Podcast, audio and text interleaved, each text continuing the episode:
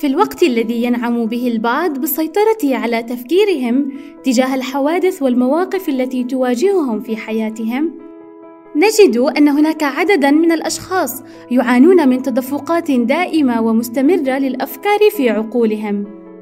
فأصحاب التفكير الزائد غالبًا ما يستعيدون في رؤوسهم الحوارات والأحاديث التي قاموا بإجرائها في ذلك اليوم، أو يشككون بكل قرار يتخذونه.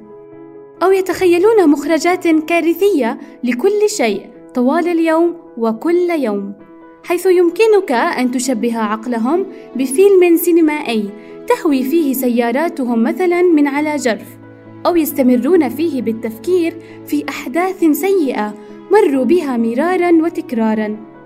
قد لا تشعر أن التفكير الزائد سيء إلى هذا الحد لكن إن كنت تعاني منه حقا فأنت تعلم تمام العلم كم هو مرهق ومستنزف للطاقة ومتعب للنفس. لا تقتصر أضرار التفكير الزائد على الصحة الذهنية وحسب، بل أيضًا على صحتك الجسدية والعاطفية كذلك، كتأثير التفكير سلبًا على الدماغ، مما يؤدي إلى مشاكل وأمراض قد تسبب الوفاة لاحقًا. بالإضافة إلى المعاناة من ساعات نوم أقل، بل ونوعية نوم أسوأ، نتيجة عدم سيطرتك على التفكير المفرط، مما يجعل جسمك يخرج من حالة الاسترخاء. ثالثاً، زيادة فرص الإصابة بالأمراض والمشاكل العقلية المزمنة، مثل القلق والاكتئاب واضطراب الشخصية الحدية.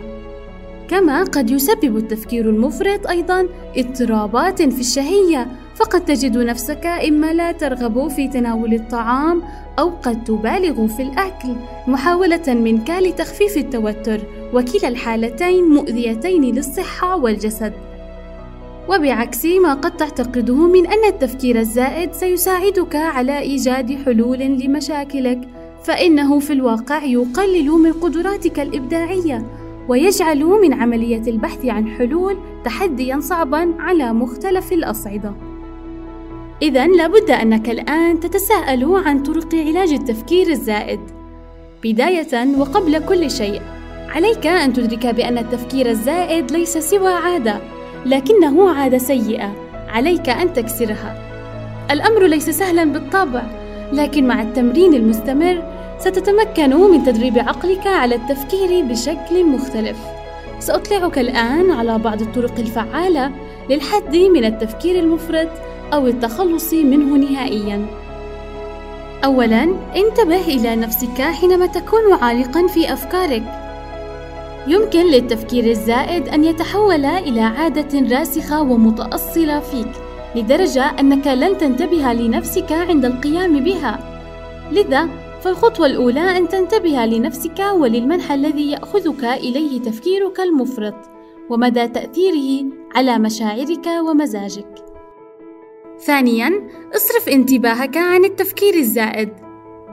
قم بإيقاف تفكيرك الزائد من خلال إشغال نفسك بنشاطات تستمتع بها، مثل تطوير مهاراتك في الطهي مثلاً، أو التسجيل في حصص رياضية، أو ممارسة هواية جديدة، أو حتى التطوع مع بعض المؤسسات المحلية القريبة منك.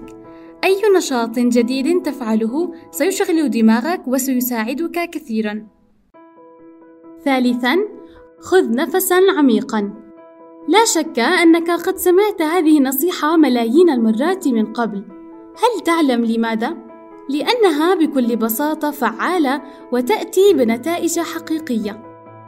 في المرة المقبلة التي تجد فيها نفسك غارقا في بحر أفكارك المتلاطمة أمواجه أغمض عينيك قليلا وخذ نفسا عميقا. سيساعدك هذا على الاسترخاء. رابعا عليك بتمارين التأمل. الالتزام المنتظم بتمارين التأمل قد أثبت فاعليته علميًا في تصفية الذهن والقضاء على فوضى الأفكار في داخلك، من خلال تركيز انتباهك وأفكارك على ما يحدث في أعماقك. خامسًا، انظر إلى الصورة الكبرى. اسأل نفسك في كل مرة تجد فيها نفسك غارقًا في التفكير في قضية ما. ما تأثير هذه المشكلة أو القضية على حياتي بعد خمس أو عشر سنوات؟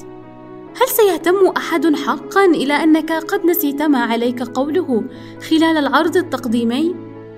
على الأرجح ذلك لن يحدث. اذا لماذا كل هذا التضخيم للمسألة؟ وتغرق نفسك في بحر من الأفكار التي لن يكون لها أي تأثير بعد فترة من الزمن. سادسا ركز على اللحظة الراهنة. يوجد العديد من الممارسات الاعتيادية التي ستساعدك في التركيز على اللحظة الراهنة ومنها الآتي.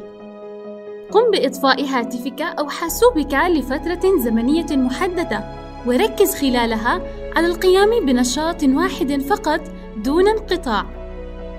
كن أكثر وعيًا عند تناول الطعام وذلك من خلال الحرص على الاستمتاع بكل لقمة والتركيز في المذاق ورائحة وملمس كل مكون من مكونات الطبق الذي تتناوله.